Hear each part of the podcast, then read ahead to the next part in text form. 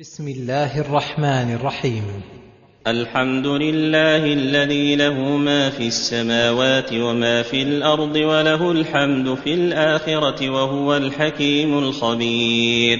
الحمد الثناء بالصفات الحميدة والأفعال الحسنة فلله تعالى الحمد لأن جميع صفاته يحمد عليها لكونها صفات كمال وأفعاله يحمد عليها لأنها دائرة بين الفضل الذي يحمد عليه ويشكر والعدل الذي يحمد عليه ويعترف بحكمته فيه وحمد نفسه هنا على أن له ما في السماوات وما في الأرض ملكا وعبيدا يتصرف فيهم بحمده وله الحمد في الآخرة لأن في الآخرة يظهر من حمده والثناء عليه ما لا يكون في الدنيا. فإذا قضى الله تعالى بين الخلائق كلهم ورأى الناس والخلق كلهم ما حكم به وكمال عدله وقسطه وحكمته فيه حمدوه كلهم على ذلك حتى أهل العقاب ما دخلوا النار إلا وقلوبهم ممتلئة من حمده وأن هذا من جراء أعمالهم وأنه عادل في حكمه بعقابهم وأما ظهور حمده في دار النعيم والثواب فذلك شيء قد تواردت به الأخبار وتوافق عليه الدليل السمعي والعقلي فإنهم في الجنة يرون من توالي نعم الله وإدرار خيره وكثرة بركاته وسعة عطاياه التي لم يبق في قلوب أهل الجنة أمنية ولا إرادة إلا وقد أعطي فوق ما تمنى وأراد. بل يعطون من الخير ما لم تتعلق به أمانيهم ولم يخطر بقلوبهم. فما ظنك بحمدهم لربهم في هذه الحال مع أن في الجنة تضمحل العوارض والقواطع التي تقطع عن معرفة الله ومحبته والثناء عليه. ويكون ذلك أحب إلى أهلها من كل نعيم وألذ عليهم من كل لذة. ولهذا إذا رأوا الله تعالى وسمعوا كلامه عند خطابه لهم أذهلهم ذلك عن كل نعيم ويكون الذكر لهم في الجنة كالنفس متواصلا في جميع الأوقات.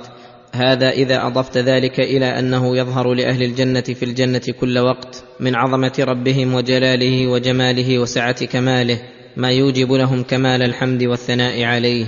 وهو الحكيم الخبير. وهو الحكيم في ملكه وتدبيره. الحكيم في أمره ونهيه الخبير المطلع على سرائر الأمور وخفاياها ولهذا فصل علمه بقوله يعلم ما يلج في الأرض وما يخرج منها وما ينزل من السماء وما يعرج فيها وهو الرحيم الغفور. يعلم ما يلج في الأرض أي من مطر وبذر وحيوان وما يخرج منها من أنواع النباتات وأصناف الحيوانات وما ينزل من السماء من الأملاك والأرزاق والأقدار وما يعرج فيها من الملائكة والأرواح وغير ذلك. ولما ذكر مخلوقاته وحكمته فيها وعلمه بأحوالها ذكر مغفرته ورحمته لها فقال وهو الرحيم الغفور. أي الذي الرحمة والمغفرة وصفه ولم تزل آثارهما تنزل على عباده كل وقت. بحسب ما قاموا به من مقتضياتهما.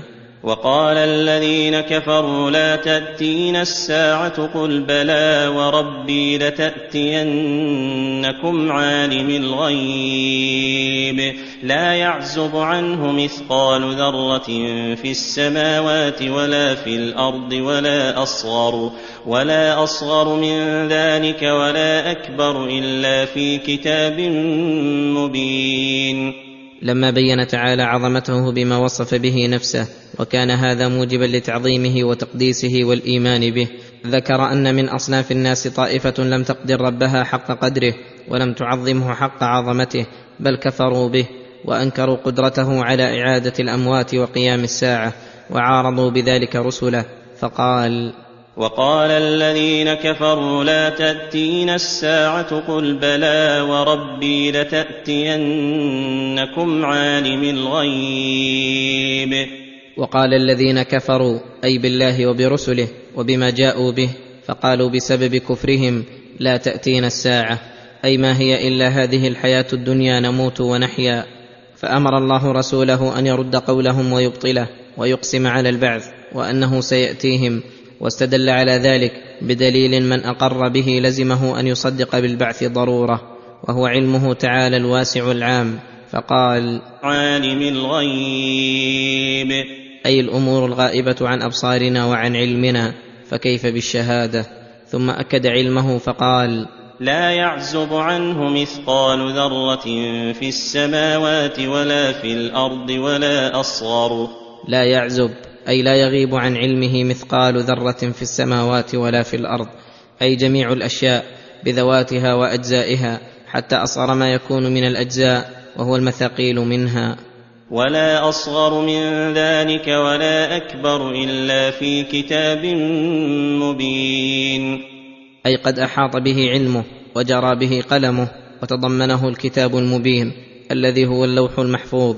فالذي لا يخفى عن علمه مثقال الذرة فما دونه في جميع الأوقات ويعلم ما تنقص الأرض من الأموات وما يبقى من أجسادهم قادر على بعثهم من باب أولى وليس بعثهم بأعجب من هذا العلم المحيط. ثم ذكر المقصود من البعث فقال ليجزي الذين امنوا وعملوا الصالحات اولئك لهم مغفره ورزق كريم. ليجزي الذين امنوا بقلوبهم صدقوا الله وصدقوا رسله تصديقا جازما وعملوا الصالحات تصديقا لايمانهم. اولئك لهم مغفره ورزق كريم. اولئك لهم مغفره لذنوبهم بسبب ايمانهم وعملهم يندفع بها كل شر وعقاب ورزق كريم باحسانهم يحصل لهم به كل مطلوب ومرغوب وامنيه. والذين سعوا في اياتنا معاجزين اولئك لهم عذاب من رجز اليم. والذين سعوا في آياتنا معاجزين أي سعوا فيها كفرا بها وتعجيزا لمن جاء بها وتعجيزا لمن أنزلها كما عجزوه في الإعادة بعد الموت. أولئك لهم عذاب من رجز أليم. أي مؤلم لأبدانهم وقلوبهم. ويرى الذين أوتوا العلم الذي أنزل إليك من ربك هو الحق ويهدي إلى صراط العزيز الحميد.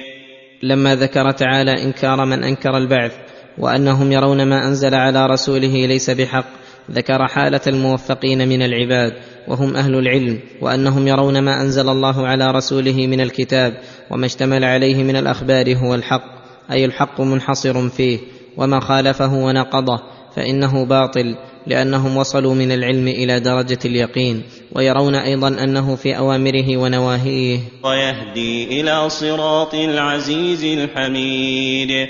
وذلك أنهم جزموا بصدق ما أخبر به من وجوه كثيرة من جهة علمهم بصدق من أخبر به ومن جهة موافقته للأمور الواقعة والكتب السابقة ومن جهة ما يشاهدون من أخبارها التي تقع عيانا. ومن جهة ما يشاهدون من الآيات العظيمة الدالة عليها في الآفاق وفي أنفسهم ومن جهة موافقتها لما دلت عليه أسماؤه تعالى وأوصافه ويرون في الأوامر والنواهي أنها تهدي إلى الصراط المستقيم المتضمن للأمر بكل صفة تزكي النفس وتنمي الأجر وتفيد العامل وغيره كالصدق والإخلاص وبر الوالدين وصلة الأرحام والإحسان إلى عموم الخلق ونحو ذلك. وتنهى عن كل صفة قبيحة تدنس النفس وتحبط الأجر وتوجب الإثم والوزر من الشرك والزنا والربا والظلم في الدماء والأموال والأعراض. وهذه منقبة لأهل العلم وفضيلة وعلامة لهم وأنه كلما كان العبد أعظم علما وتصديقا بأخبار ما جاء به الرسول وأعظم معرفة بحكم أوامره ونواهيه كان من أهل العلم الذين جعلهم الله حجة على ما جاء به الرسول. احتج الله بهم على المكذبين المعاندين كما في هذه الآية وغيرها. وقال الذين كفروا هل ندلكم على رجل ينبئكم إذا مزقتم كل ممزق إنكم لفي خلق جديد. أي وقال الذين كفروا على وجه التكذيب والاستهزاء والاستبعاد وذكر وجه الاستبعاد أي قال بعضهم لبعض. هل ندلكم على رجل ينبئكم إذا مزقتم كل ممزق إنكم لفي خلق جديد؟ يعنون بذلك الرجل رسول الله صلى الله عليه وسلم وأنه رجل أتى بما يستغرب منه حتى صار بزعمهم فرجة يتفرجون عليه وأعجوبة يسخرون منه وأنه كيف يقول إنكم مبعوثون. بعدما مزقكم البلا وتفرقت أوصالكم واضمحلت أعضاؤكم. أفترى على الله كذبا أم به جنة؟ بل الذين لا يؤمنون بالآخرة في العذاب والضلال البعيد. فهذا الرجل الذي يأتي بذلك هل افترى على الله كذبا؟ فتجرأ عليه وقال ما قال أم به جنة؟ فلا يستغرب منه. فإن الجنون فنون وكل هذا منهم على وجه العناد والظلم. ولقد علموا أنه أصدق خلق الله وأعقلهم ومن علمهم أنهم أبدوا وأعادوا في معاداتهم وبذلوا أنفسهم وأموالهم في صد الناس عنه. فلو كان كاذبا مجنونا لم ينبغي لكم يا أهل العقول غير الزاكية أن تصغوا لما قال ولا أن تحتفلوا بدعوته. فإن المجنون لا ينبغي للعاقل أن يلفت إليه نظره. أو يبلغ قوله منه كل مبلغ. ولولا عنادكم وظلمكم لبادرتم لإجابته ولبيتم دعوته. ولكن ما تغني الآيات والنذر عن قوم لا يؤمنون. ولهذا قال تعالى بل الذين لا يؤمنون بالاخره في العذاب والضلال البعيد. بل الذين لا يؤمنون بالاخره ومنهم الذين قالوا تلك المقاله في العذاب والضلال البعيد. أي في الشقاء العظيم والضلال البعيد الذي ليس بقريب من الصواب. وأي شقاء وضلال أبلغ من إنكارهم لقدرة الله على البعث وتكذيبهم لرسوله الذي جاء به واستهزائهم به وجزمهم بأن ما جاءوا به هو الحق. فرأوا الحق باطلا والباطل والضلال حقا وهدى. أفلم يروا إلى ما بين أيديهم وما خلفهم من السماء والأرض إن نشأ نخسف بهم الأرض أو نسقط عليهم كسفا من السماء إن في ذلك لآية لكل عبد منيب ثم نبههم على الدليل العقلي الدال على عدم استبعاد البعث الذي استبعدوه وأنهم لو نظروا إلى ما بين أيديهم وما خلفهم من السماء والأرض فرأوا من قدرة الله فيهما ما يبهر العقول ومن عظمته ما يذهل العلماء الفحول وأن خلقهما وعظمتهما وما فيهما من المخلوقات أعظم من إعادة الناس بعد موتهم من قبورهم. فما الحامل لهم على ذلك التكذيب؟ مع التصديق بما هو أكبر منه ذاك خبر غيبي إلى الآن ما شاهدوه فلذلك كذبوا به. قال الله إن نشأ نخسف بهم الأرض أو نسقط عليهم كسفا من السماء. أي من العذاب لأن الأرض والسماء تحت تدبيرنا فإن أمرناهما لم يستعصيا فاحذروا إصراركم على تكذيبكم. فنعاقبكم أشد العقوبة. إن في ذلك لآية لكل عبد منيب. إن في ذلك أي خلق السماوات والأرض وما فيهما من المخلوقات. لآية لكل عبد منيب. فكلما كان العبد أعظم إنابة إلى الله كان انتفاعه بالآيات أعظم لأن المنيب مقبل إلى ربه. قد توجهت إراداته وهماته لربه ورجع إليه في كل أمر من أموره فصار قريبا من ربه ليس له هم إلا الاشتغال بمرضاته فيكون نظره للمخلوقات نظر فكرة وعبرة لا نظر غفلة غير نافعة. ولقد آتينا داود منا فضلا يا جبال أوبي معه والطير وألنا له الحديد. أن اعمل سابغات وقدر في السرد واعملوا صالحا إني بما تعملون بصير. أي ولقد مننا على عبدنا ورسولنا داود عليه الصلاة والسلام. وآتيناه فضلا من العلم النافع والعمل الصالح والنعم الدينية والدنيوية ومن نعمه عليه ما خصه به من أمره تعالى الجمادات كالجبال والحيوانات من الطيور. أن تؤوب معه وترجع التسبيح بحمد ربها مجاوبة له. وفي هذا من النعمة عليه أن كان ذلك من خصائصه التي لم تكن لأحد قبله ولا بعده وأن ذلك يكون منهضا له ولغيره على التسبيح.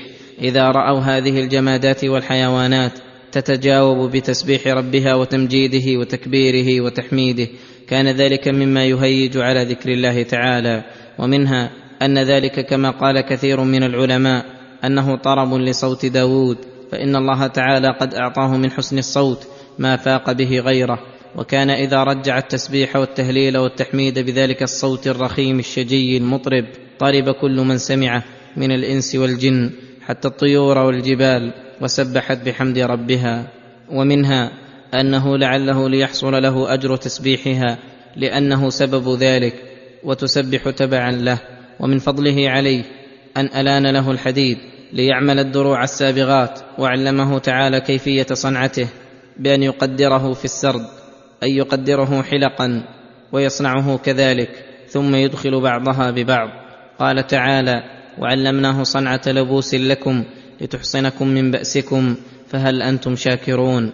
ولما ذكر ما امتن به عليه وعلى آله أمره بشكره وأن يعملوا صالحا ويراقب الله تعالى فيه بإصلاحه وحفظه من المفسدات فإنه بصير بأعمالهم مطلع عليهم لا يخفى عليه منها شيء. ولسليمان الريح غدوها شهر ورواحها شهر وأسلنا له عين القطر ومن الجن من يعمل بين يديه بإذن ربه ومن يزغ منهم عن أمرنا نذقه من عذاب السعير. لما ذكر فضله على داود عليه السلام ذكر فضله على ابنه سليمان عليه الصلاة والسلام وأن الله سخر له الريح تجري بأمره وتحمله وتحمل جميع ما معه وتقطع المسافة البعيدة جدا في مدة يسيرة فتسير في اليوم مسيرة شهرين غدوها شهر أي أول النهار إلى الزوال ورواحها شهر من الزوال إلى آخر النهار وأسلنا له عين القطر أي سخرنا له عين النحاس وسهلنا له الأسباب في استخراج ما يستخرج منها من الأواني وغيرها وسخر الله له أيضا الشياطين والجن لا يقدرون أن يستعصوا عن أمره.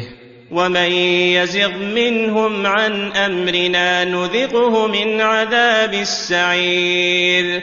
وأعمالهم يعملون له ما يشاء من محاريب وتماثيل وجفان وجفان كالجواب وقدور الراسيات اعملوا آل داود شكرا. اعملوا آل داود شكرا وقليل من عبادي الشكور. كل ما شاء سليمان عملوه من محاريب وهو كل بناء يعقد وتحكم به الأبنية فهذا فيه ذكر الأبنية الفخمة وتماثيل أي صور الحيوانات والجمادات من إتقان صنعتهم وقدرتهم على ذلك وعملهم لسليمان وجفان كالجواب أي كالبرك الكبار يعملونها لسليمان للطعام لأنه يحتاج إلى ما لا يحتاج إليه غيره ويعملون له قدورا راسيات لا تزول عن أماكنها من عظمها فلما ذكر منته عليهم أمرهم بشكرها فقال اعملوا آل داود شكرا وقليل من عبادي الشكور. اعملوا آل داود وهم داود وأولاده وأهله لأن المنة على الجميع وكثير من المصالح عائد لكلهم. شكرا لله على ما أعطاهم ومقابلة لما أولاهم. وقليل من عبادي الشكور. فأكثرهم لم يشكروا الله تعالى على ما أولاهم من نعمه ودفع عنهم من النقم. والشكر اعتراف القلب بمنة الله تعالى وتلقيها افتقارا إليه وصرفها في طاعة الله تعالى وصونها عن صرفها في المعصية. فلما قضينا عليه الموت ما دلهم على موته إلا دابة الأرض تأكل من سأته. فلما خر تبينت الجن أن لو كانوا يعلمون الغيب ما لبثوا في العذاب المهين. فلم يزل الشياطين يعملون لسليمان عليه الصلاة والسلام كل بناء وكانوا قد موهوا على الإنس وأخبروهم أنهم يعلمون الغيب ويطلعون على المكنونات فأراد الله تعالى أن يري العباد كذبهم في هذه الدعوى فمكثوا يعملون على عملهم فقضى الله الموت على سليمان عليه السلام واتكأ على عصاه وهي المنسأة فصاروا إذا مروا به وهو متكئ عليها ظنوه حيا وهابوه. فغدوا على عملهم كذلك سنة كاملة على ما قيل حتى سلطت دابة الأرض على عصاه فلم تزل ترعاها حتى باد وسقط. فسقط سليمان عليه السلام وتفرقت الشياطين وتبينت الإنس أن الجن لو كانوا يعلمون الغيب ما لبثوا في العذاب المهين. وهو العمل الشاق عليهم فلو علموا الغيب لعلموا موت سليمان. الذي هم احرص شيء عليه ليسلموا مما هم فيه. لقد كان لسبإ في مسكنهم آية جنتان عن يمين وشمال. كلوا من رزق ربكم واشكروا له بلدة طيبة ورب غفور. فأعرضوا فأرسلنا عليهم سيل العرم وبدلناهم بجنتيهم جنتين ذواتي أكل خمط وأثل وشيء من سدر قليل. ذلك جزيناهم بما كفروا وهل نجازي إلا الكفور. وجعلنا بينهم وبين القرى التي باركنا فيها قرى ظاهرة وقدرنا فيها السير. سيروا فيها ليالي وأياما آمنين. فقالوا ربنا باعد بين أسفارنا وظلموا أنفسهم فجعلناهم أحاديث ومزقناهم كل ممزق. إن في ذلك لآيات لكل صبار شكور سبأ قبيلة معروفة في أداني اليمن ومسكنهم بلدة يقال لها مأرب ومن نعم الله ولطفه بالناس عموما وبالعرب خصوصا أنه قص في القرآن أخبار المهلكين والمعاقبين ممن كان يجاور العرب ويشاهد آثاره ويتناقل الناس أخباره ليكون ذلك أدعى إلى التصديق وأقرب للموعظة فقال لقد كان لسبأ في مسكنهم أي محلهم الذي يسكنون فيه آية والآية هنا ما أدر الله عليهم من النعم وصرف عنهم من النقم الذي يقتضي ذلك منهم أن يعبدوا الله ويشكروه ثم فسر الآية بقوله جنتان عن يمين وشمال. وكان لهم واد عظيم تأتيه سيول كثيرة وكانوا بنوا سدا محكما يكون مجمعا للماء. فكانت السيول تأتيه فيجتمع هناك ماء عظيم فيفرقونه على بساتينهم التي عن يمين ذلك الوادي وشماله. وتغل لهم تلك الجنتان العظيمتان من الثمار ما يكفيهم ويحصل لهم به الغبطة والسرور. فأمرهم الله بشكر نعمه التي أدرها عليهم من وجوه كثيرة. منها هاتان الجنتان اللتان غالب اقواتهم منهما. ومنها أن الله جعل بلدهم بلدة طيبة لحسن هوائها وقلة وخامها وحصول الرزق الرغد فيها. ومنها أن الله تعالى وعدهم إن شكروا أن يغفر لهم ويرحمهم. ولهذا قال بلدة طيبة ورب غفور. ومنها أن الله لما علم احتياجهم في تجاراتهم ومكاسبهم إلى الأرض المباركة الظاهر أنها قرى صنعاء قاله غير واحد من السلف وقيل إنها الشام. هيأ لهم من الأسباب ما به يتيسر وصولهم إليها بغاية السهولة من الأمن وعدم الخوف وتواصل القرى بينهم وبينها بحيث لا يكون عليهم مشقة بحمل الزاد والمزاد. ولهذا قال وجعلنا بينهم وبين القرى التي باركنا فيها قرى ظاهرة وقدرنا فيها السير. وقدرنا فيها السير. أي سيرا مقدرا يعرفونه ويحكمون عليه بحيث لا يتيهون عنه ليالي وأياما آمنين. أي مطمئنين في السير في تلك الليالي والأيام غير خائفين. وهذا من تمام نعمة الله عليهم أن أمنهم من الخوف فأعرضوا عن المنعم وعن عبادته وبطروا النعمة وملوها حتى إنهم طلبوا وتمنوا أن تتباعد أسفارهم بين تلك القرى التي كان السير فيها متيسرا. وظلموا أنفسهم بكفرهم بالله وبنعمته فعاقبهم الله تعالى بهذه النعمة التي أطغتهم فأبادها عليهم فأرسل عليهم سيل العرم أي السيل المتوعر الذي خرب سدهم وأتلف جناتهم وخرب بساتينهم فتبدلت تلك الجنات ذات الحدائق المعجبة والأشجار المثمرة وصار بدلها أشجار لا نفع فيها.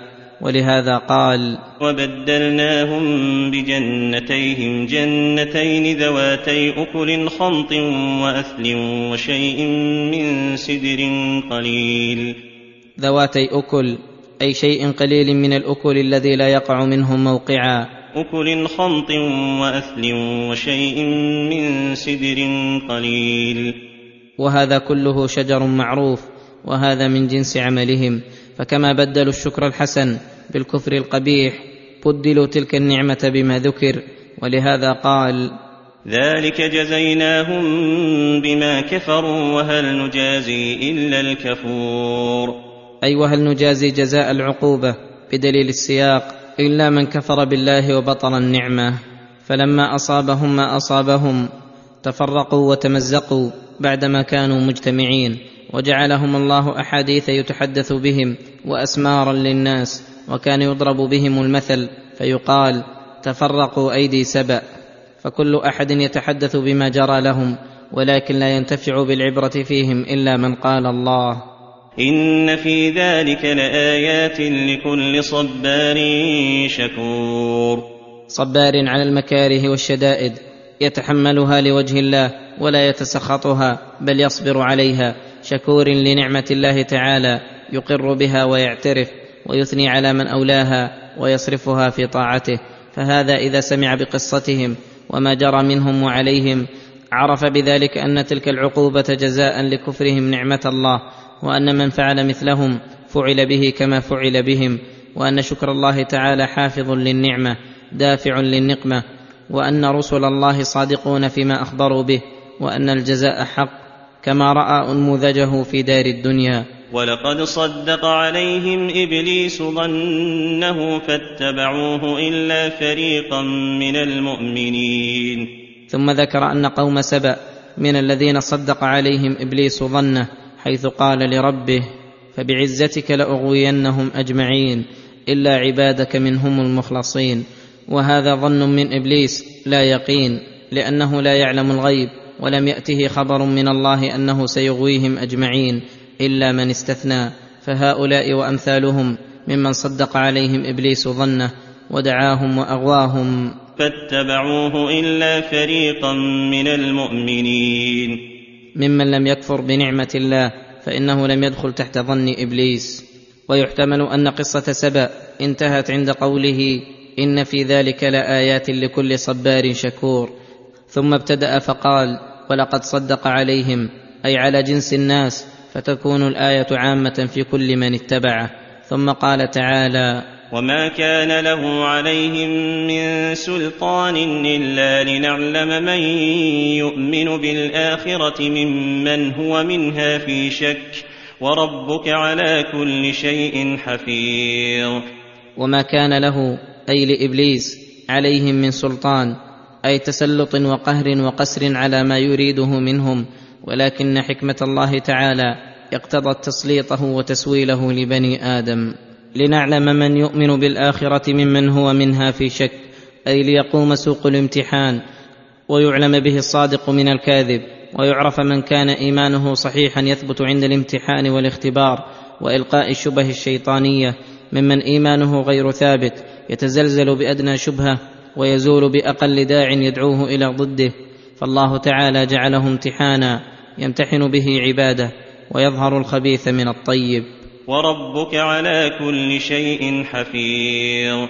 يحفظ العباد ويحفظ عليهم أعمالهم ويحفظ تعالى جزاءها فيوفيهم إياها كاملة موفرة. قل ادعوا الذين زعمتم من دون الله لا يملكون مثقال ذرة في السماوات ولا في الأرض وما لهم فيهما من شرك وما له منهم من ظهير أي قل يا ايها الرسول للمشركين بالله غيره من المخلوقات التي لا تنفع ولا تضر ملزما لهم بعجزها ومبينا لهم بطلان عبادتها ادعوا الذين زعمتم من دون الله أي زعمتموهم شركاء لله إن كان دعاؤكم ينفع فإنهم قد توفرت فيهم أسباب العجز وعدم إجابة الدعاء من كل وجه فإنهم ليس لهم أدنى ملك فلا يملكون مثقال ذرة في السماوات ولا في الأرض على وجه الاستقلال ولا على وجه الاشتراك. ولهذا قال وما لهم فيهما من شرك وما له منهم من ظهير وما لهم؟ أي لتلك الآلهة الذين زعمتم فيهما أي في السماوات والأرض من شرك أي لا شرك قليل ولا كثير فليس لهم ملك ولا شركة ملك. بقي أن يقال ومع ذلك فقد يكونون أعوانا للمالك ووزراء له فدعاؤهم يكون نافعا لأنهم بسبب حاجة الملك إليهم يقضون حوائج من تعلق بهم فنفى تعالى هذه المرتبة فقال وما له منهم من ظهير. وما له أي لله تعالى الواحد القهار منهم أي من هؤلاء المعبودين من ظهير أي معاون ووزير يساعده على الملك والتدبير فلم يبق إلا الشفاعة فنفاها بقوله ولا تنفع الشفاعه عنده الا لمن اذن له. فهذه أنواع التعلقات التي يتعلق بها المشركون بأندادهم وأوثانهم من البشر والشجر وغيرهم. قطعها الله وبين بطلانها تبيينا حاسما لمواد الشرك قاطعا لأصوله لأن المشرك إنما يدعو ويعبد غير الله لما يرجو منه من النفع. فهذا الرجاء هو الذي أوجب له الشرك. فإذا كان من يدعوه غير الله لا مالكا للنفع والضر ولا شريكا للمالك ولا عونا وظهيرا للمالك ولا يقدر أن يشفع بدون إذن المالك. كان هذا الدعاء وهذه العبادة ضلالا في العقل باطلة في الشرع. بل ينعكس على المشرك مطلوبه ومقصوده فإنه يريد منها النفع. فبين الله بطلانه وعدمه وبين في آيات أخر ضرره على عابديه وأنه يوم القيامة يكفر بعضهم ببعض. ويلعن بعضهم بعضا ومأواهم النار وإذا حشر الناس كانوا لهم أعداء وكانوا بعبادتهم كافرين والعجب أن المشرك استكبر عن الانقياد للرسل بزعمه أنهم بشر ورضي أن يعبد ويدعو الشجر والحجر استكبر عن الإخلاص للملك الرحمن الديان ورضي بعبادة من ضره أقرب من نفعه طاعة لأعدى عدو له وهو الشيطان وقوله حتى إذا فزع عن قلوبهم قالوا ماذا قال ربكم؟ قالوا الحق وهو العلي الكبير. يحتمل أن الضمير في هذا الموضع يعود إلى المشركين لأنهم مذكورون في اللفظ والقاعدة في الضمائر أن تعود إلى أقرب مذكور ويكون المعنى إذا كان يوم القيامة وفزع عن قلوب المشركين أي زال الفزع وسئلوا حين رجعت إليهم عقولهم عن حالهم في الدنيا وتكذيبهم للحق الذي جاءت به الرسل أنهم يقرون أن ما هم عليه من الكفر والشرك باطل وأن ما قال الله وأخبرت به عنه رسله هو الحق فبدا لهم ما كانوا يخفون من قبل وعلموا أن الحق لله واعترفوا بذنوبهم. وهو العلي الكبير. وهو العلي بذاته فوق جميع مخلوقاته وقهره لهم وعلو قدره بما له من الصفات العظيمة جليلة المقدار الكبير في ذاته وصفاته. ومن علوه أن حكمه تعالى يعلو وتذعن له النفوس حتى نفوس المتكبرين والمشركين. وهذا المعنى أظهر وهو الذي يدل عليه السياق. ويحتمل أن الضمير يعود إلى الملائكة وذلك أن الله تعالى إذا تكلم بالوحي سمعته الملائكة فصعقوا وخروا لله سجدا. فيكون أول من يرفع رأسه جبريل فيكلمه الله من وحيه بما أراد. وإذا زال الصعق عن قلوب الملائكة وزال الفزع فيسأل بعضهم بعضا عن ذلك الكلام الذي صعقوا منه. ماذا قال ربكم؟ فيقول بعضهم لبعض قال الحق إما اجمالا لعلمهم أنه لا يقول إلا حقا وإما أن يقولوا قال كذا وكذا للكلام الذي سمعوه منه وذلك من الحق. فيكون المعنى على هذا أن المشركين الذين عبدوا مع الله تلك الآلهة التي وصفنا لكم عجزها ونقصها وعدم نفعها بوجه من الوجوه كيف صدفوا وصرفوا عن إخلاص العبادة للرب العظيم العلي الكبير الذي من عظمته وجلاله أن الملائكة الكرام والمقربين من الخلق يبلغ بهم الخضوع والصعق عند سماع كلامه هذا المبلغ ويقرون كلهم لله أنه لا يقول إلا الحق فما بال هؤلاء المشركين استكبروا عن عبادة من هذا شأنه وعظمة ملكه وسلطانه فتعالى العلي الكبير عن شرك المشركين وإفكهم وكذبهم. قل من يرزقكم من السماوات والأرض قل الله وإنا أو إياكم لعلى هدى أو في ضلال مبين.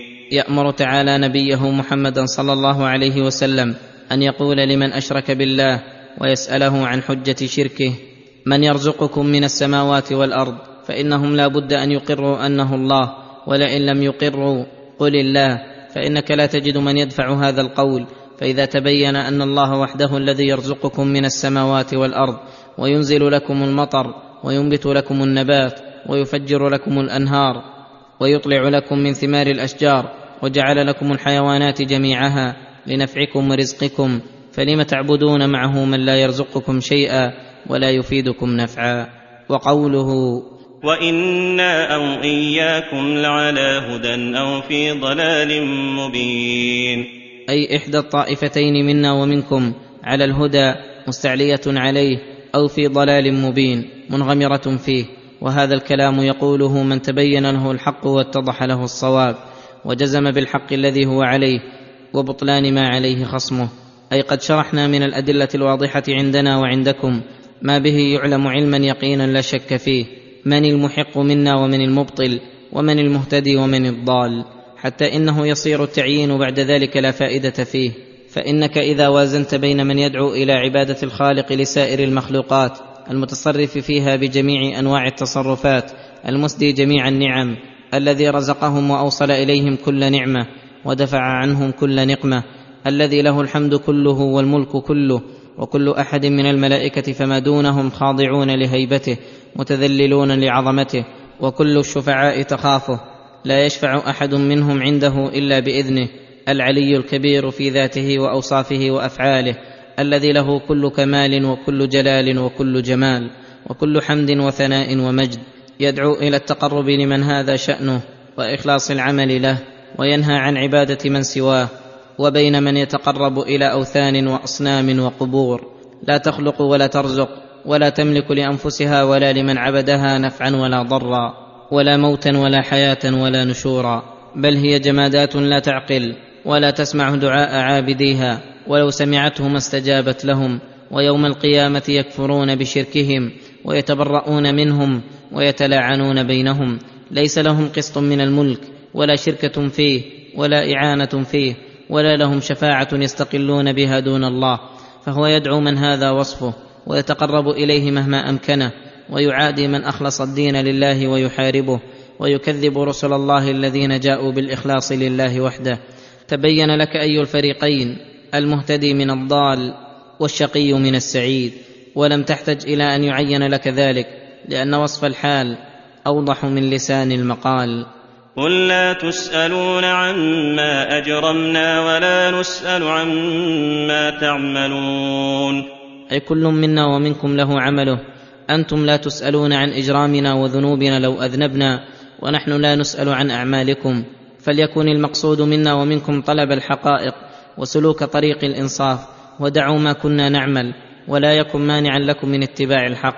فإن أحكام الدنيا تجري على الظواهر ويتبع فيها الحق ويجتنب الباطل وأما الأعمال فلها دار أخرى يحكم فيها أحكم الحاكمين ويفصل بين المختصمين أعدل العادلين. ولهذا قال قل يجمع بيننا ربنا ثم يفتح بيننا بالحق وهو الفتاح العليم.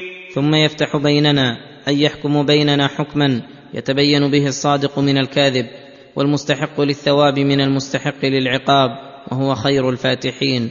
قل اروني الذين الحقتم به شركاء؟ كلا كلا بل هو الله العزيز الحكيم. قل لهم يا ايها الرسول ومن ناب منابك اروني الذين الحقتم به شركاء؟ أي اين هم؟ واين السبيل إلى معرفتهم؟ وهل هم في الأرض؟ أم في السماء فإن عالم الغيب والشهادة قد أخبرنا أنه ليس في الوجود له شريك.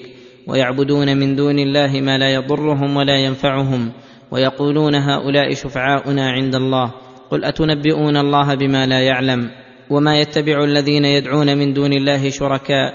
إن يتبعون إلا الظن وإن هم إلا يخرصون. وكذلك خواص خلقه من الأنبياء والمرسلين. لا يعلمون له شريكا. فيا أيها المشركون أروني الذين ألحقتم بزعمكم الباطل بالله شركاء وهذا السؤال لا يمكنهم الإجابة عنه ولهذا قال كلا بل هو الله العزيز الحكيم. كلا أي ليس لله شريك ولا ند ولا ضد بل هو الله الذي لا يستحق التأله والتعبد إلا هو العزيز الذي قهر كل شيء فكل ما سواه فهو مقهور مسخر مدبر.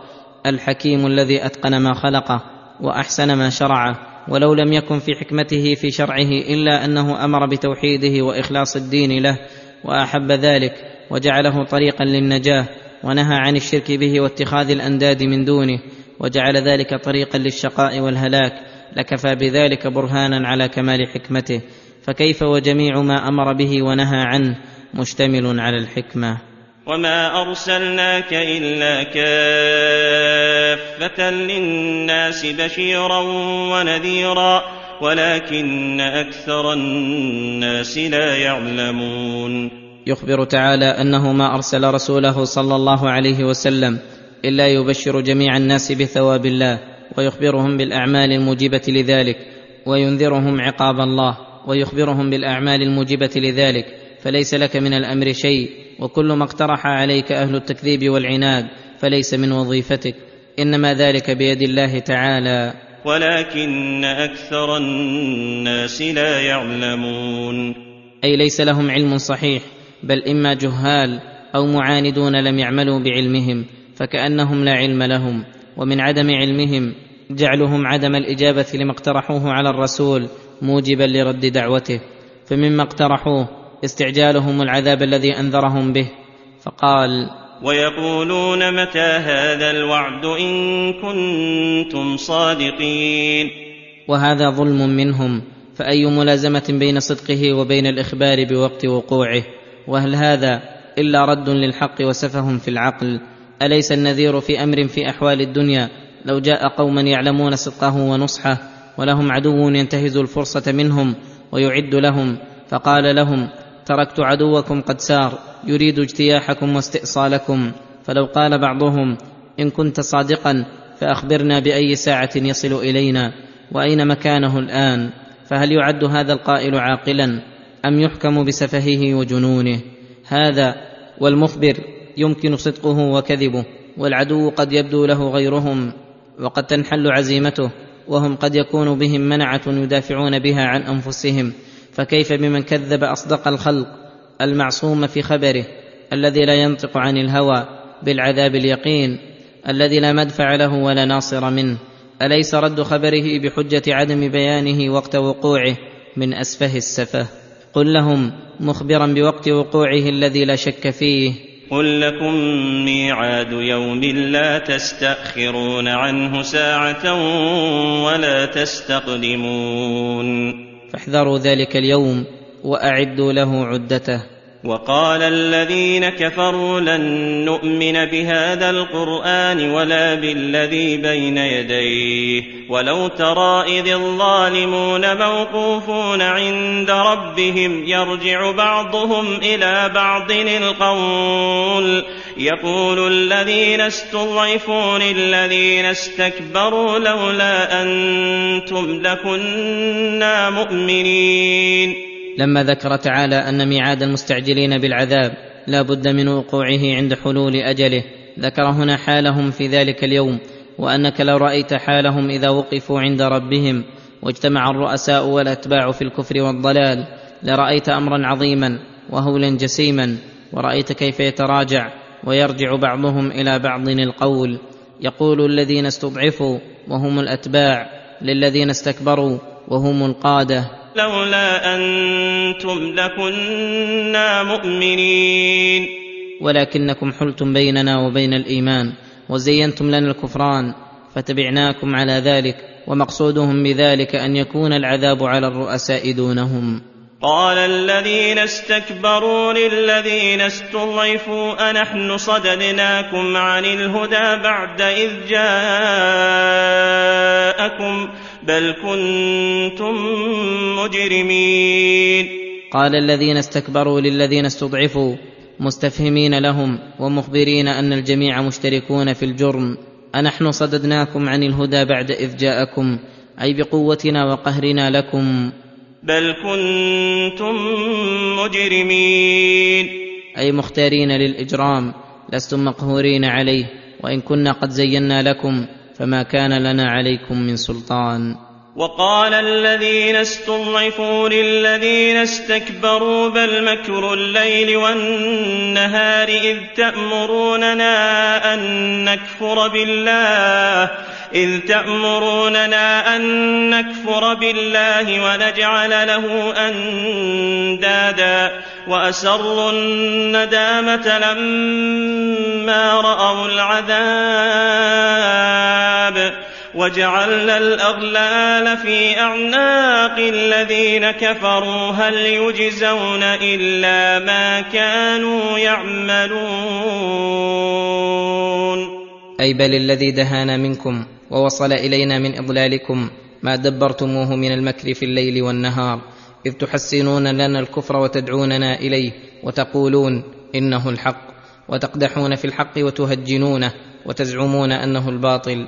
فما زال مكركم بنا وكيدكم إيانا حتى أغويتمونا وفتنتمونا فلم تفد تلك المراجعة بينهم شيئا إلا تبري بعضهم من بعض والندامة العظيمة ولهذا قال وأسروا الندامة لما رأوا العذاب. أي زال عنهم ذلك الاحتجاج الذي احتج به بعضهم على بعض لينجو من العذاب وعلم أنه ظالم مستحق له فندم كل منهم غاية الندم وتمنى أن لو كان على الحق وأنه ترك الباطل الذي أوصله إلى هذا العذاب سرا في أنفسهم لخوفهم من الفضيحة في إقرارهم على أنفسهم وفي بعض مواقف القيامة وعند دخولهم النار يظهرون ذلك الندم جهرا ويوم يعض الظالم على يديه يقول يا ليتني اتخذت مع الرسول سبيلا يا ويلتى ليتني لم أتخذ فلانا خليلا. وقالوا لو كنا نسمع أو نعقل ما كنا في أصحاب السعير فاعترفوا بذنبهم فسحقا لأصحاب السعير. وجعلنا الأغلال في أعناق الذين كفروا هل يجزون إلا ما كانوا يعملون؟ وجعلنا الأغلال في أعناق الذين كفروا يغلون كما يغل المسجون الذي سيهان في سجنه كما قال تعالى إذ الأغلال في أعناقهم والسلاسل يسحبون في الحميم ثم في النار يسجرون. هل يجزون إلا ما كانوا يعملون؟ هل يجزون في هذا العذاب والنكال وتلك الأغلال الثقال؟ إلا ما كانوا يعملون. من الكفر والفسوق والعصيان. وما أرسلنا في قرية من نذير إلا قال مترفوها إنا بما أرسلتم به كافرون يخبر تعالى عن حالة الأمم الماضية المكذبة للرسل أنها كحال هؤلاء الحاضرين المكذبين لرسولهم محمد صلى الله عليه وسلم وأن الله إذا أرسل رسولا في قرية من القرى كفر به مترفوها وأبطرتهم نعمتهم وفخروا بها. وقالوا نحن أكثر أموالا وأولادا وما نحن بمعذبين. وقالوا نحن أكثر أموالا وأولادا أي ممن اتبع الحق. وما نحن بمعذبين. أي اولا لسنا بمبعوثين فإن بعثنا فالذي أعطانا الأموال والأولاد في الدنيا سيعطينا أكثر من ذلك في الآخرة ولا يعذبنا. قل ان ربي يبسط الرزق لمن يشاء ويقدر ولكن أكثر الناس لا يعلمون. فأجابهم الله تعالى بأن بسط الرزق وتضييقه ليس دليلا على ما زعمتم فإن الرزق تحت مشيئة الله إن شاء بسطه لعبده وإن شاء ضيقه. وما اموالكم ولا اولادكم بالتي تقربكم عندنا زلفى الا من امن وعمل صالحا فاولئك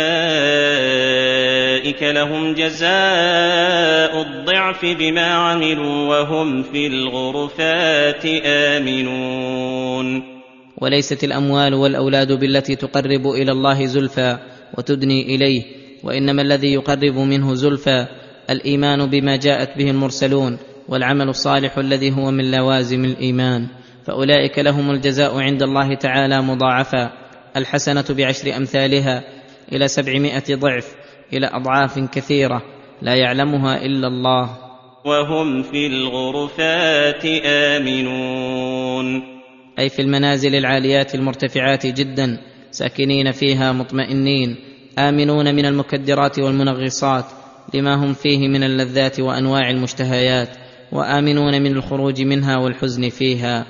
والذين يسعون في آياتنا معاجزين أولئك في العذاب محضرون. وأما الذين سعوا في آياتنا على وجه التعجيز لنا ولرسلنا والتكذيب. أولئك في العذاب محضرون. قل إن ربي يبسط الرزق لمن يشاء من عباده ويقدر له وما أنفقتم من شيء فهو يخلفه وهو خير الرازقين. ثم أعاد تعالى أنه يبسط الرزق لمن يشاء من عباده ويقدر له ليرتب عليه قوله وما أنفقتم من شيء نفقة واجبة أو مستحبة على قريب أو جار أو مسكين أو يتيم وغير ذلك فهو تعالى يخلفه. فلا تتوهموا أن الإنفاق مما ينقص الرزق بل وعد بالخلف للمنفق الذي يبسط الرزق لمن يشاء ويقدر. وهو خير الرازقين. فاطلبوا الرزق منه واسعوا في الأسباب التي أمركم بها. ويوم يحشرهم جميعا ثم يقول للملائكة أهؤلاء إياكم كانوا يعبدون. ويوم يحشرهم جميعا أي العابدين لغير الله والمعبودين من دونه من الملائكة ثم يقول الله للملائكة على وجه التوبيخ لمن عبدهم. أهؤلاء إياكم كانوا يعبدون. فتبرأوا من عبادتهم. قالوا سبحانك أنت ولينا من دونهم بل كانوا يعبدون الجن أكثرهم بهم مؤمنون. قالوا سبحانك أي تنزيها لك وتقديسا أن يكون لك شريك أو ند. أنت ولينا من دونهم فنحن مفتقرون إلى ولايتك مضطرون إليها فكيف ندعو غيرنا إلى عبادتنا؟ أم كيف نصلح لأن نتخذ من دونك أولياء وشركاء ولكن هؤلاء المشركون بل كانوا يعبدون الجن أكثرهم بهم مؤمنون. كانوا يعبدون الجن أي الشياطين يأمرون بعبادتنا أو عبادة غيرنا فيطيعونهم بذلك وطاعتهم هي عبادتهم لأن العبادة الطاعة كما قال تعالى مخاطبا لكل من اتخذ معه آلهة. ألم أعهد إليكم يا بني آدم الا تعبدوا الشيطان؟ إنه لكم عدو مبين وأن اعبدوني هذا صراط مستقيم. أكثرهم بهم مؤمنون. أي مصدقون للجن منقادون لهم لأن الإيمان هو التصديق الموجب للانقياد. فلما تبرأوا منهم قال تعالى مخاطبا لهم. فاليوم لا يملك بعضكم لبعض نفعا ولا ضرا. تقطعت بينكم الأسباب وانقطع بعضكم من بعض. ونقول للذين ظلموا ذوقوا عذاب النار التي كنتم بها تكذبون. ونقول للذين ظلموا ذوقوا عذاب النار. ونقول للذين ظلموا بالكفر والمعاصي بعدما ندخلهم النار. ونقول للذين ظلموا ذوقوا عذاب النار التي كنتم بها تكذبون. فاليوم عاينتموها ودخلتموها جزاء لتكذيبكم وعقوبة لما أحدثه ذلك التكذيب من عدم الهرب من أسبابها. واذا تتلى عليهم اياتنا بينات قالوا ما هذا الا رجل يريد ان يصدكم عما كان يعبد اباؤكم وقالوا ما هذا الا افك مفترى وقال الذين كفروا للحق لما جاءهم ان هذا الا سحر مبين يخبر تعالى عن حالة المشركين عندما تتلى عليهم آيات الله البينات وحججه الظاهرات وبراهينه القاطعات الدالة على كل خير الناهية عن كل شر التي هي أعظم نعمة جاءتهم ومنة وصلت إليهم الموجبة لمقابلتها بالإيمان والتصديق والانقياد والتسليم أنهم يقابلونها بضد ما ينبغي ويكذبون من جاء بها ويقولون ما هذا إلا رجل يريد أن يصدكم عما كان يعبد آباؤكم. أي هذا قصده حين يأمركم بالإخلاص لله لتتركوا عوائد آبائكم الذين تعظمون وتمشون خلفهم فردوا الحق بقول الضالين ولم يوردوا برهانا ولا شبهة. فأي شبهة إذا أمرت الرسل بعض الضالين باتباع الحق؟ فادعوا أن إخوانهم الذين على طريقتهم لم يزالوا عليه. وهذه السفاهة ورد الحق بأقوال الضالين. إذا تأملت كل حق رد فإذا هذا مآله. لا يرد إلا بأقوال الضالين من المشركين والدهريين والفلاسفة والصابئين والملحدين في دين الله المارقين. فهم أسوة كل من رد الحق إلى يوم القيامة ولما احتجوا بفعل آبائهم وجعلوها دافعة لما جاءت به الرسل طعنوا بعد هذا بالحق. وقالوا ما هذا إلا إفك مفترى. أي كذب افتراه هذا الرجل الذي جاء به. وقال الذين كفروا للحق لما جاءهم إن هذا إلا سحر مبين. أي سحر ظاهر بين لكل أحد تكذيبا بالحق وترويجا على السفهاء. ولما بين ما ردوا به الحق وأنها أقوال دون مرتبة الشبهة فضلا أن تكون حجة ذكر أنهم وإن أراد أحد أن يحتج لهم فإنهم لا مستند لهم ولا لهم شيء يعتمدون عليه أصلا. فقال وما اتيناهم من كتب يدرسونها وما ارسلنا اليهم قبلك من نذير. وما اتيناهم من كتب يدرسونها حتى تكون عمدة لهم. وما ارسلنا اليهم قبلك من نذير. حتى يكون عندهم من أقواله وأحواله ما يدفعون به ما جئتهم به فليس عندهم علم ولا أثارة من علم. ثم خوفهم ما فعل بالأمم المكذبين قبلهم فقال وكذب الذين من قبلهم وما بلغوا معشار ما آتيناهم فكذبوا رسلي فكيف كان نكير؟ وكذب الذين من قبلهم وما بلغوا أي ما بلغ هؤلاء المخاطبون معشار ما آتيناهم فكذبوا أي الأمم الذين من قبلهم. فكيف كان نكير؟ أي إنكاري عليهم وعقوبتي إياهم. قد أعلمنا ما فعل بهم من النكال وأن منهم من أغرقه ومنهم من أهلكه بالريح العقيم وبالصيحة وبالرجفة وبالخسف بالأرض وبإرسال الحاصب من السماء.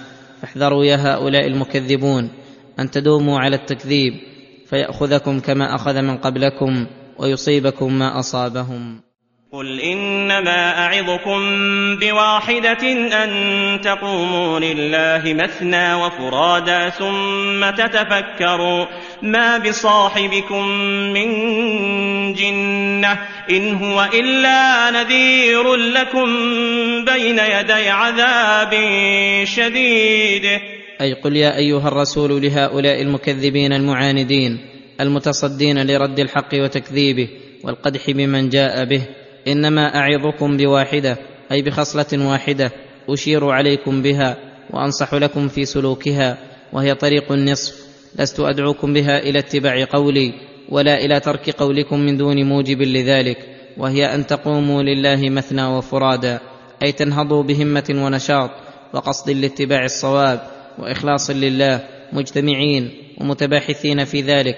ومتناظرين وفرادا كل واحد يخاطب نفسه بذلك. فإذا قمتم لله مثنى وفرادا استعملتم فكركم وأجلتموه وتدبرتم أحوال رسولكم هل هو مجنون؟ فيه صفات المجانين من كلامه وهيئته وصفته. أم هو نبي صادق؟ منذر لكم ما يضركم مما أمامكم من العذاب الشديد. فلو قبلوا هذه الموعظة واستعملوها لتبين لهم أكثر من غيرهم. أن رسول الله صلى الله عليه وسلم ليس بمجنون لأن هيئاته ليست كهيئات المجانين في خنقهم واختلاجهم ونظرهم بل هيئته أحسن الهيئات وحركاته أجل الحركات وهو أكمل الخلق ادبا وسكينة وتواضعا ووقارا لا يكون إلا لأرزن الرجال عقلا. ثم إذا تأملوا كلامه الفصيح ولفظه المليح وكلماته التي تملأ القلوب امنا وايمانا وتزكي النفوس وتطهر القلوب وتبعث على مكارم الأخلاق وتحث على محاسن الشيم وترهب عن مساوئ الأخلاق ورذائلها. إذا تكلم رمقته العيون هيبة وإجلالا وتعظيما. فهل هذا يشبه هذيان المجانين وعربدتهم وكلامهم الذي يشبه أحوالهم؟ فكل من تدبر أحواله ومقصده استعلام هل هو رسول الله أم لا سواء تفكر وحده أو مع غيره جزم بأنه رسول الله حقا ونبيه صدقا خصوصا المخاطبين الذي هو صاحبهم يعرفون أول أمره وآخره. وثم مانع للنفوس آخر من اتباع الداعي إلى الحق وهو أنه يأخذ أموال من يستجيب له ويأخذ أجرة على دعوته. فبين الله تعالى نزاهة رسوله صلى الله عليه وسلم عن هذا الأمر فقال قل ما سألتكم من أجر فهو لكم إن أجري إلا على الله إن أجري إلا على الله وهو على كل شيء شهيد. قل ما سألتكم من أجر أي على اتباعكم للحق فهو لكم أي فأشهدكم أن ذلك الأجر على التقدير أنه لكم إن أجري إلا على الله وهو على كل شيء شهيد. أي محيط علمه بما أدعو إليه فلو كنت كاذبا لأخذني بعقوبته. وشهيد أيضا على أعمالكم سيحفظها عليكم ثم يجازيكم بها. قل إن ربي يقذف بالحق علام الغيوب. ولما بين البراهين الدالة على صحة الحق وبطلان الباطل أخبر تعالى أن هذه سنته وعادته أن يقذف بالحق على الباطل فيدمغه فإذا هو زاهق لأنه بين من الحق في هذا الموضع ورد به أقوال المكذبين ما كان عبرة للمعتبرين وآية للمتأملين. فإنك كما ترى كيف اضمحلت أقوال المكذبين وتبين كذبهم وعنادهم وظهر الحق وسطع وبطل الباطل وانقمع وذلك بسبب بيان علام الغيوب الذي يعلم ما تنطوي عليه القلوب من الوساوس والشبه ويعلم ما يقابل ذلك ويدفعه من الحجج فيعلم بها عباده ويبينها لهم ولهذا قال قل جاء الحق وما يبدئ الباطل وما يعيده. قل جاء الحق أي ظهر وبان وصار بمنزلة الشمس وظهر سلطانه. وما يبدئ الباطل وما يعيده. أي اضمحل وبطل أمره وذهب سلطانه فلا يبدئ ولا يعيد. قل إن ضللت فإنما أضل على نفسي وإن اهتديت فبما يوحي إلي ربي إنه سميع قريب. ولما تبين الحق بما دعا إليه الرسول وكان المكذبون له يرمونه بالضلال أخبرهم بالحق ووضحه لهم وبين لهم عجزهم عن مقاومته وأخبرهم أن رميهم له بالضلال ليس بضائر الحق شيئا ولا دافع ما جاء به وأنه إن ضل وحاشاه من ذلك لكن على سبيل التنزل في المجادلة فإنما يضل على نفسه أي ضلاله قاصر على نفسه غير متعد إلى غيره. وإن اهتديت فبما يوحي إلي ربي إنه سميع قريب. وإن اهتديت فليس ذلك من نفسي وحولي وقوتي وإنما هدايتي بما يوحي إلي ربي فهو مادة هدايتي كما هو مادة هداية غيري. إن ربي سميع للأقوال والأصوات كلها قريب ممن دعاه وسأله وعبده. ولو ترى إذ فزعوا فلا فوت وأخذوا من مكان قريب. ولو ترى إذ فزعوا فلا فوت وأخذوا من مكان قريب. يقول تعالى ولو ترى أيها الرسول ومن قام مقامك حال هؤلاء المكذبين إذ فزعوا حين رأوا العذاب وما أخبرتهم به الرسل وما كذبوا به لرأيت أمرا هائلا ومنظرا مفضعا وحالة منكرة وشدة شديدة وذلك حين يحق عليهم العذاب.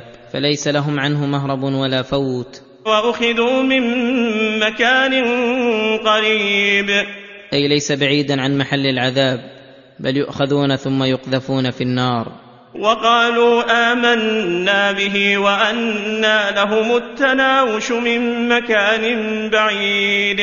وقالوا في تلك الحال آمنا بالله وصدقنا ما به كذبنا ولكن أنى لهم التناوش أي تناول الإيمان. من مكان بعيد. قد حيل بينهم وبينه وصار من الأمور المحالة في هذه الحالة. وقد كفروا به من قبل ويقذفون بالغيب من مكان بعيد. فلو أنهم آمنوا وقت الإمكان لكان إيمانهم مقبولا ولكنهم كفروا به من قبل. ويقذفون أي يرمون. بالغيب من مكان بعيد. بقذفهم الباطل ليدحضوا به الحق ولكن لا سبيل إلى ذلك.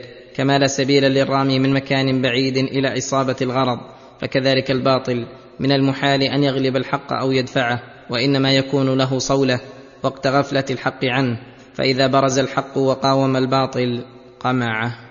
وحيل بينهم وبين ما يشتهون كما فعل بأشياعهم من قبل إنهم كانوا في شك مريب.